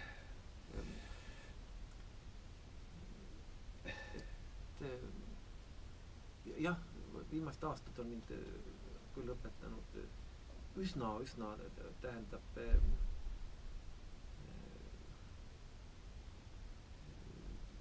ikkagi selles suunas, et, et kui ma midagi teha saan, ikkagi siis pigem noh, inimeste keskel ja, ja niimoodi inimestega rääkides ja olles aga, aga niisuguste seadusesse kirjutamisega tõenäoliselt üsna vähe. võib-olla, võib-olla on see petlik ja, ja, ja ma olen äh, ikkagi selles mõttes ma veel tunnen, et ma äh, ka minu need seisukohad on muutunud ka viimaste aastate jooksul ja ühe ja teise ja kolmanda asjaga on mind veendud, et, et ma olen eksinud, aga siin mul küll hetkel tundub, et Kolakowski mõjub väga, väga, väga värskendavalt. jah, ja, ja, ja mul on üks, ühe teise teema juurde ka veel plaanis minna, aga enne kui ma sinna lähen, ma lihtsalt teie jutust siin noppisin üles just see, mis te väga hästi tõite välja, et see äh, vanadest ja vana testamendi, eks ole, see lepingu mõte ja siis uue testamendi, vabandage, mul prantsuse keelt armastuse mõte, ma ei taha ka seda, seda sõna ülemäära tihti ju kreeka keeles on kolm sõna. see, see on täitsa teine. nii et, aga, et see oli, et, et üks on siis see, et me, et sinna seaduste abil sinna paradiisi jõudmine on väga keeruline ettevõtmine, teine, ma arvan, seesama, mis oli siis õige ja, ja mis on samavõrd praegu õige, on seesama, et et kus on see põhiline siis, siis ma ei siin mingit taatelmeenoloogiat kasutada see tegevuspaik, et kas on üksikisik, kas, kas maailma uuendamine äh, või parandamine, see kõlab ka lamedalt, aga jumal. ütleme siis maailma parandamine hakkab pihta, kui ta seda, selle termini andeks on, hakkab pihta üksikisikust või, või on siis kohe järg-, esi, või on siis, hüppame kohe kapitalismi kallale, et, et mulle tundub, et siin on teine, mul on sii-, et siin on nagu teine suur suur veelahe, et et ähm, mis te sellest, mis, mis te sellest? no kristluses ei ole kahtlustki, et äh, vastus on indiviid, sest äh, äh, Jeesus äh, pigemini tolleaegsesse niisugusesse patriarhaalsesse perekonda suhtub äh, küllaltki kriitiliselt äh, ja äh, need kõvad ütlemised, et kes isa või ema või naist või lapsi rohkem armastab kui mind, ei ole mind, min-, minu järelkäimist väärt, et kuni selle, selleni välja, et et tema algab ikkagi üksikutest isikutest peale ja sotsiaalprogrammiga on nõnda, et jah, halastaja Samaria mees teeb õigesti. Konkreetsel juhul, andes sellele tee ääres poolsurnule abi, aga kui heidetakse ette sellele naisterahvale, kes tema peale valab hiiglama kalli narbisalvi ja ära raiskab, mis asja, varsti lüüakse ta nagunii risti ja mis sellest kasu on? vaesed on alati, aga siis ta ütleb, vaesed on alati. ei sugugi ei kutsu üles, et nüüd jüngrid, hakkame ühiskonnast eh, vaesust, orjust, gladiaatorid ära kaotama ja, ja nõnda edasi. nii et selles suhtes oli eh, kristlus väga suure kimbatuse ees, kui võim kukkus kätte. kui Rooma riik korises kokku ja, ja tuli seda võimu koristada ja hakata neid kah eh, suunama kes isiklikult ei hoolinud, sest kuni selle ajani, kuni neljanda sajandini oli ikkagi see isiklik otsus, mis teatud aegadel Diokletianus või teisedki võis tähendada märgisurma ükshaaval, mitte solidaarselt põrgusse, nagu Clive Lewis ütleb irooniliselt. jah, nüüd küsimuse esimesest poolest või et, et noh, süüdi on kapitalism, siis ma ikkagi just enne saadet Toomasega kõnelesime, kuidas aeg lendab ja ja hoolimata ikkagi oma vanusest ma ikkagi siiamaani imestan, et et ja kuigi ajaloolisi paralleele on palju, et et ikkagi kui lihtsalt tekivad need süüdlased, võivad olla mingile osale inimestest vaktsiinid või või, või, või noh, kellelegi, et, et see, kui, kuidas ikkagi see elamine ilma selle vaenlaseta või noh, mõnel, mõnel puhul isegi tundub, et, et noh, see võtab kelleltki elu mõtte ära, kui seda vaenlast ei ole. Jah, et jah, enne kui ma nüüd, siin tuli jällegi üks, üks teema vahele, et, et enne kui ma tahaks vähemasti ühe küsimuse siin veel täna, täna jutuks võtta, et seesama, et kas see pole nagu paradoksaalne, eks, et te, te ütlesite minu arust väga õigesti, et, et Kristuses on rõhk üksikindiviidil. et võtame nüüd kas või selle sama liberalismi, eks, mis on kasvanud ju selgelt välja Kristuse peenrast. ja rõhutab täpselt sedasama, seda üksik, vähemasti algselt rõhutas seda üksikisiku tähtsust, eks, ja inimõigused ja kõike. ja nüüd me oleme jõudnud mingi ringiga läbi siis sealt, sealt tagasi välja sellise kohati äärmuslikku kollektivismi, liberalismi äh, ma ütlen, mitte alati, aga kohati me oleme jõudnud ikkagi selle liberalismi sildi all äh, siis äh, müüdavasse äärmuslikku kollektivismi, kus inimeste, inimest, inimese põhisõnumaks ei ole see, mis ta ise on, vaid see, millisesse, millisesse gruppi ta parajasti kuulub, et kuidas te kas te nõustute, kõigepealt, kas te nõustute sellise äh, kokkuvõttega või, või mis, mis siis võiks nimetada, sellise pildikesega ja, ja kui te nõustute, siis miks see nii on juhtunud, kui ei nõustu, siis miks te ei nõustu? Iga hea asja, kui teda liiga palju saab ja ta ainsana järgi jääb, siis äh, on asi paha äh,. võiks ju väga lihtsalt vastata, kui Jeesus ütleb, teie olete maa sool, siis hoidku selle eest, et jaa, hoidku selle eest, et neid jüngreid liiga palju saab. see ühiskond läheb nii soolaseks. ja see on, omast kohast on see tõsi, see tundub sürr, aga see paljud niisugused põhimõtted Kristuses ei saa olla ühiskonna aluseks. Ja siit tulebki see, et kui nad seda tehakse mm. see on ikkagi seesama, millest Kolakowski siinsamas jah, seesama, et kui, kui nad tehakse ja kui nad veel jõuga tehakse, aga isegi kui nad ei tea, tehta jõuga, vaid lihtsalt seda võimendades, nagu see mitte ainult inimestevaheline armastus, seda ei räägitagi, ka Jumala armastusest on praegu nõnda, et põrgut ei ole olemas. Kolakovskile läheb see hirmsasti korda, et isegi saatan ei saa enam karistada, vaid tema peab kah lõpuks vägisi paradiisi minema. no tähendab, see, see on see täpselt seesama. ei ole selle käest, see muutub niisuguseks küüniseks ja püüniseks ja raudadeks. sul ei ole selle käest pääsu ja, ja siit, siit tulebki see, et ei ole nendest kolmest ega mis tahes muulgi, kui ta kui ta hakkab laiama ja ongi kõik ja ta on äärmuseni selles suhtes siin äh, ei ole pääsu. kui, kui ühte asja saab äh, edasi arendada, siis ta areneb vesivõsuni.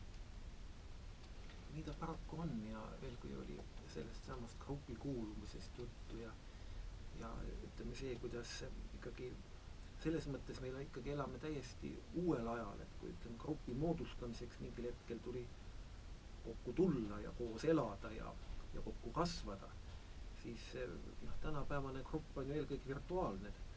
Ja, ja seal see moodustub sageli pärast päevatööd, kus, kus elatakse ka ennast välja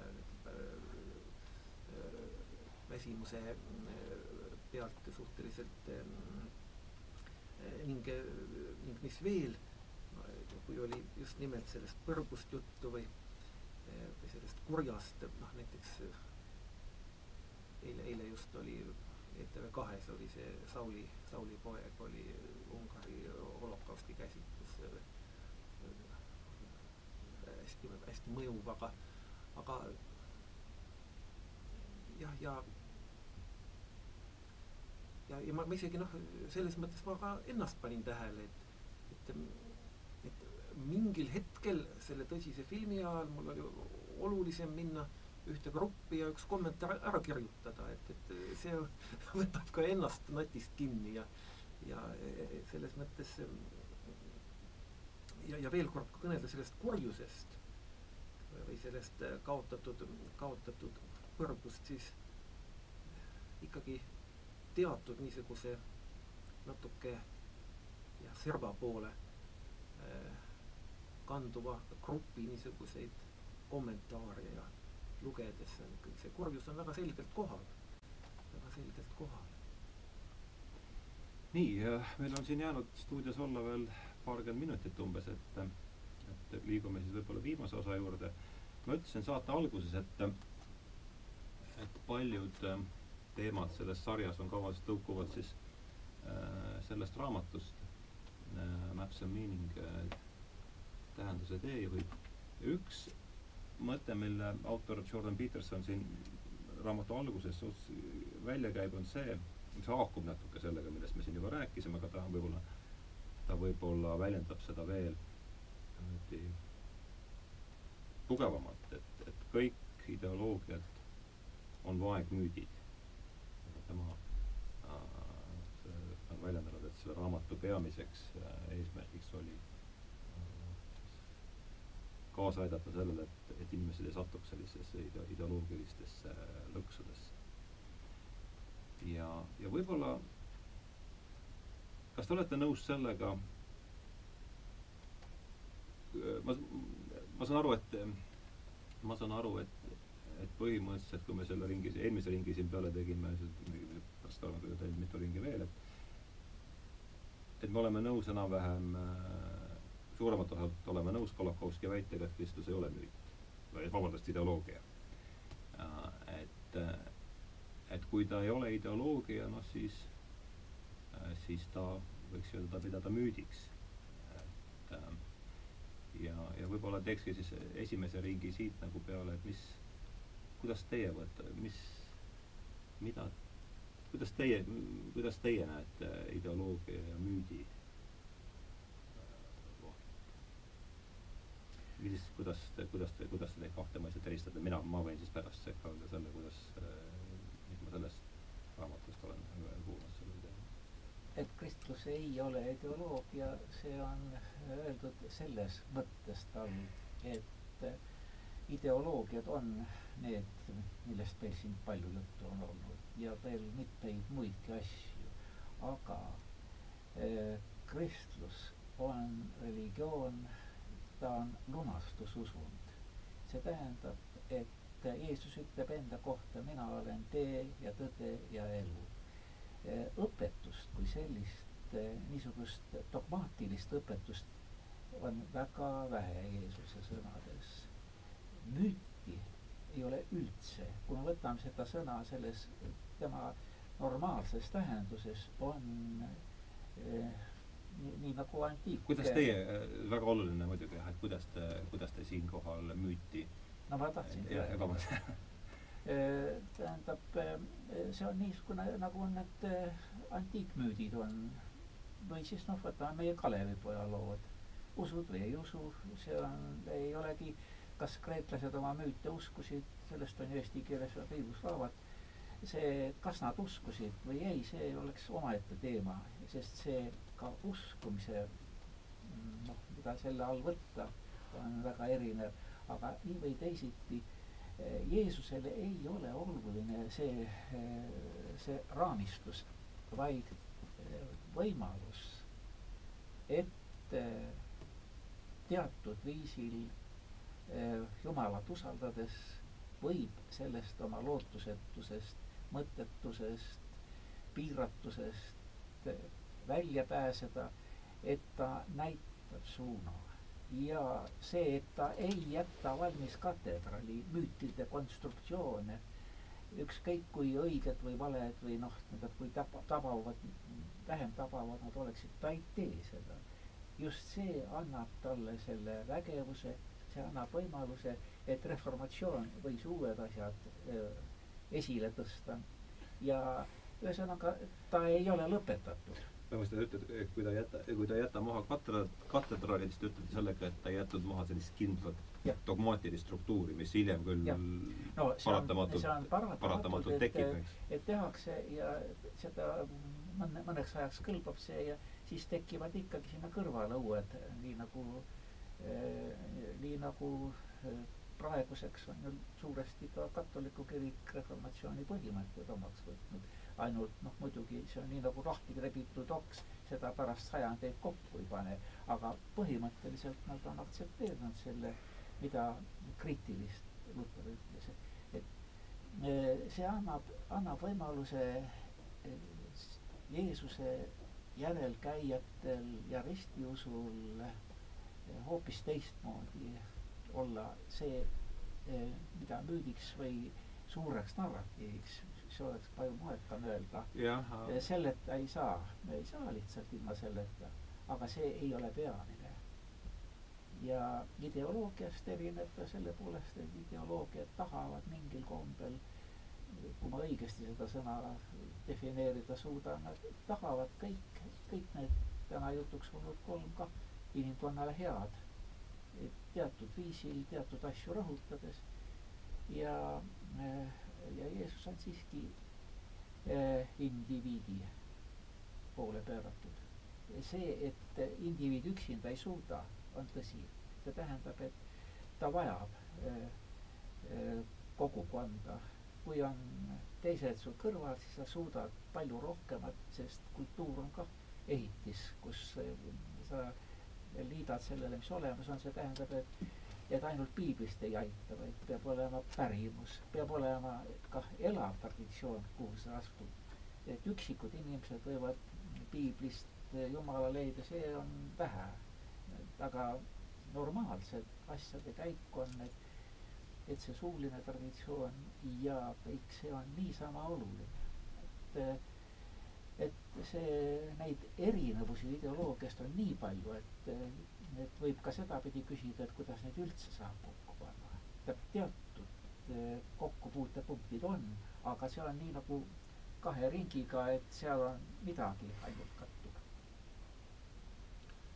ma nüüd, ega ma siia väga palju lisada ei oska.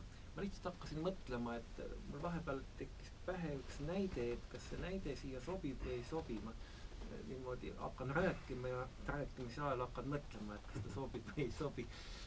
viimasel ajal Paidest mööda sõites ja vahel ka sisse keerates mul on, seal elas ju Hermann Hesse vanaisa oli seal arstiks ja Hermann Hesse klaaspärli mäng, kuigi Hesse ise või Hermann neist ei ole Eestis käinud, siis vanaisaga Paide muuseumi vahendusel sain teada, et oli väga elav mm, kirjavahetus ja et Eesti oli tal täiesti kohane olemas, aga eh, klaaspärli mäng on, mängus eh, on siis ähm, äh, niisugune tegelane nagu paater Jakobus ja, ja seal ta natuke seda üldist, üldist laadi nagu selgitab, et mis maailmas toimub, mitte liiga tihedalt.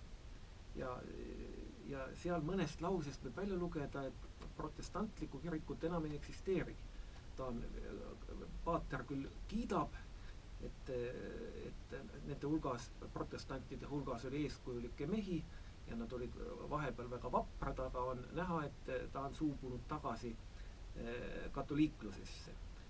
Ja Joosep Kneht, see peategelane, kes siis on klaaspärlimängu meister, eh, veel enne, kui, kui ta, kui ta meistriks saab, et paatriga suheldes ta väga intensiivselt ei vaidle sellele vastu, et ka klaaspärlimäng võib olla üks niisugune religiooni, noh, kas nüüd vesivõsu, aga võib-olla väärtuslikum, võib-olla isegi pookeoks, mis aga kunagi võib-olla naaseb sinna alg, algjuurte juurde.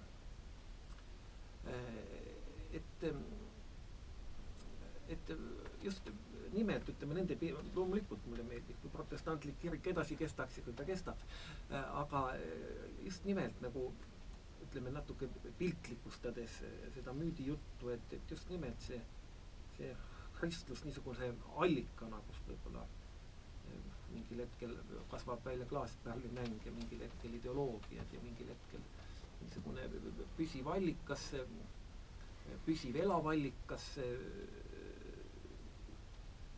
kus ometi niisugust jah, seda, seda müüdile omast niisugust noh, kus see, see müüdile omane, see lugu, et, et see ei ole peal, see on lihtsalt see. seda ma püüdsin. jah, jah, jah, ma püüdsin noh, natuke ja, see on täiendus täiendus või piltlikustamine, ega ta jah, ma hakkan, noh, mõned aspektid tegelikult päris hästi ei, klapi sellega kokku, aga noh, las ta olla. hästi, vot äh, mulle jäi natuke minu arust on see väga oluline koht, aga mulle jäi see selgusetuks pisut. seetõttu teeme ühe ringi veel peale, et ma kirjutasin enda siin üles sellise võrrandi.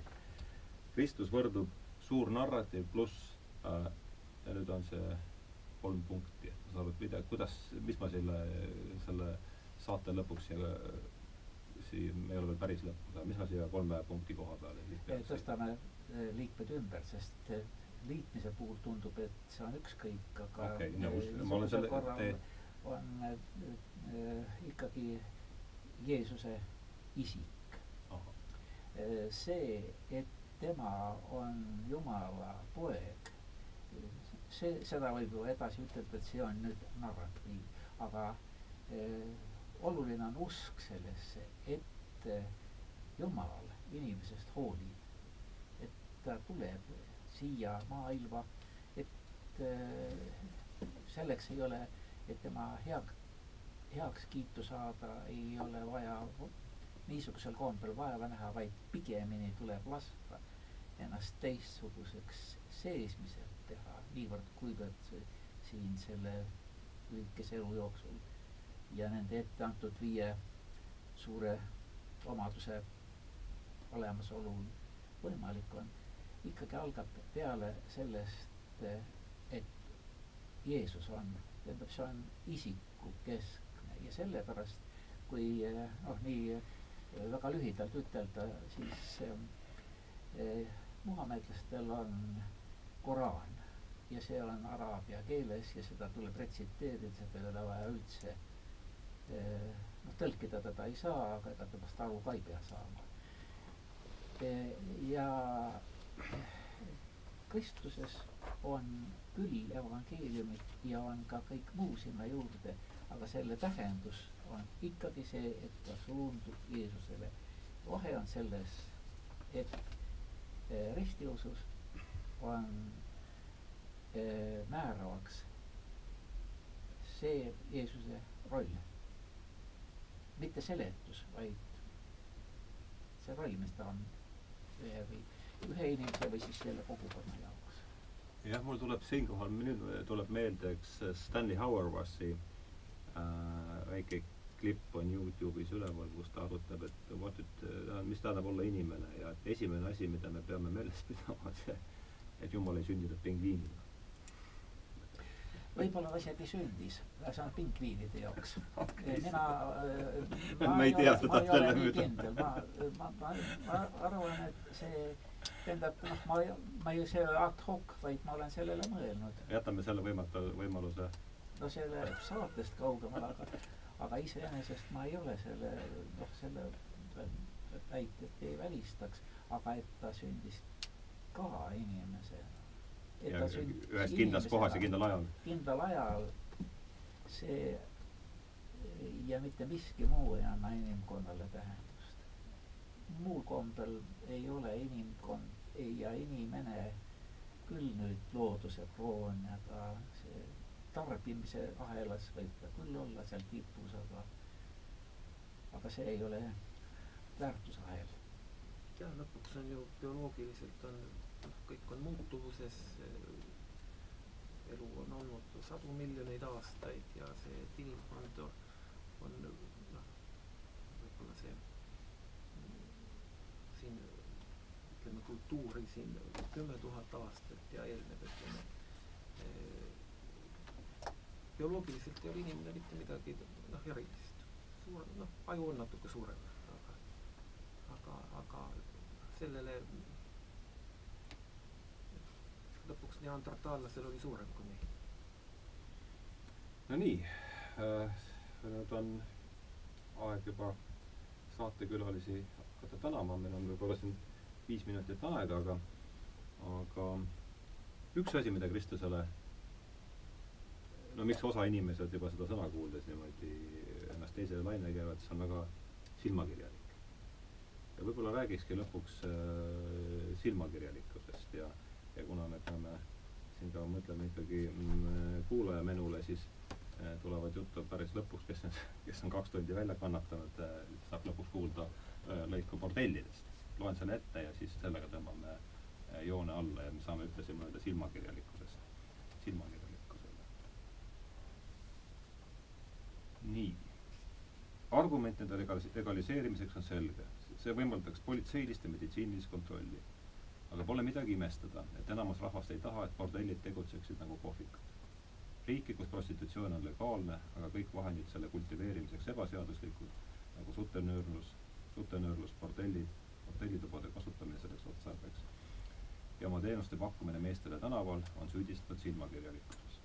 bordellid on, aga teeskleme, et neid ei ole. aga võib-olla silmakirjalikkus ei olegi antud juhul, nagu ka paljude muude juhtumite puhul, kõige halvem lahendus võib-olla mõlemad rang-, võib-olla mõlemad rangelt selged lahendused, tõeline ärakeelamine ja tõeline, täielik seadustamine veel hullem. jälle ma tulen selle juurde, et igal asjal peab kontekst olema ja rääkida bordellidest kahekümnendal, kahekümne esimesel sajandil on midagi hoopis muud, kui rääkida nendest ajal. Eh, lõbumaja on tarvilik ja see näiteks Uku Masingut väga häiris, et kirikuisa Augustinus eh, möönab seda, et ühiskonna, ühiskonna jaoks on lõbumaja tarvilik. ja põhjendus on see, et, et selleks, et abielu naiste au päästa igasugustest noortest kukkedest, eh, on vaja anda ventiil neile, need naised, kes sellega tegelevadki, sest üks on võimalikult varakult nad vehele panna. aga mis pärast saab, igal juhul on see nõnda, et selles maailmas, kus on abielu truudus oluline, on see hoopis teises funktsioonis kui sariabielud on, kus hea korral nad seisavad kolm-neli aastat, aga kus tähendab, see ei ole mingisugune probleem, et sul on abielueelseid suhteid lõputult, et neid on kõrval sel korral on ju täitsa, ma ütleks, see on ju, see on ju niisugune anakronism rääkida, et mingisuguse bordelli jaoks on vajadus. no see, selle jaoks on call-girl'id ja kõiksugused muud. nii et silmakirjalik on seda halvustada. tähendab, praegu ta on ajast ja arust nähtus, kui teda on kuskil nagu Saksamaal ja Hollandis noh, mille no, midagi Disneylandi laadset on ta no, Hollandis ta, ta ongi nõnda, et mingisugustele hälvetega tegelastele, kuna no Hollandis on ta, ma käisin just Amsterdamis äh, kuu aega tagasi, ta on seal, seal on ta ikka selline Disneylandi niisugune mingi väike nojah, aga, aga tal ei ole ühiskonnas rolli. aga see, mida mina räägin, on, on see. noh, ma lihtsalt seda veel lisaks, et küll jah, et siin eh, sellest eh, noh, poliitika tegemisest, et aeg-ajalt seda on küll, et ma möönan, et teatud asjades võib seda silmakirjalikkust näha, aga minu jaoks asi pole väga hull, kui sinna ette öelda, et jah, et, et siin, siin see asi natuke silmakirjalik ongi ja vahel see natuke aitab. aga mis sellesse puutub, siis see on tõsi et Disneyland võib-olla ei ole sugugi mitte halb, halb võrdlus. ma ei tea, võib-olla kuidas ta, kuidas ta võib-olla saab, mõjub hiirtele solvavalt, aga praegu praegu ei tea. ei, ma hakkasin mõtlema, et kas Disneyland hetke noortele, ei, küllap nad ikka teavad, tähendab, ootame näriliste reaktsiooni saatele kuulge, ma olen teile väga tänulik, et leidsite aega kaks tundi lobiseda, ma loodan, et teil oli endil huvitav. saate, see eetris oli siis saade Tähenduse tee, saatesõna Tähenduse tee või teine saade, mis oli pühendatud Poola filosoofile Leszek Kolakowskile, kelle religiooniteemaliste esseede kogumik naeruvääristati Jeesus ilmus eesti keeles endiselt Lindetuur tõlkes selle aasta alguses. stuudios olid seda raamatut arutamas teoloog Toomas Paul ja õpetaja ja äh, Hugo Treffneri gümnaasiumi, gümnaasiumi õpetaja äh, Toomas Jürgenstein, Riigikogu, kes on ka Riigikogu saadik ja mina olen saate, olin saatejuht. ma olen siiamaani saatejuht Hardo Vajuga. tänan kuulamast.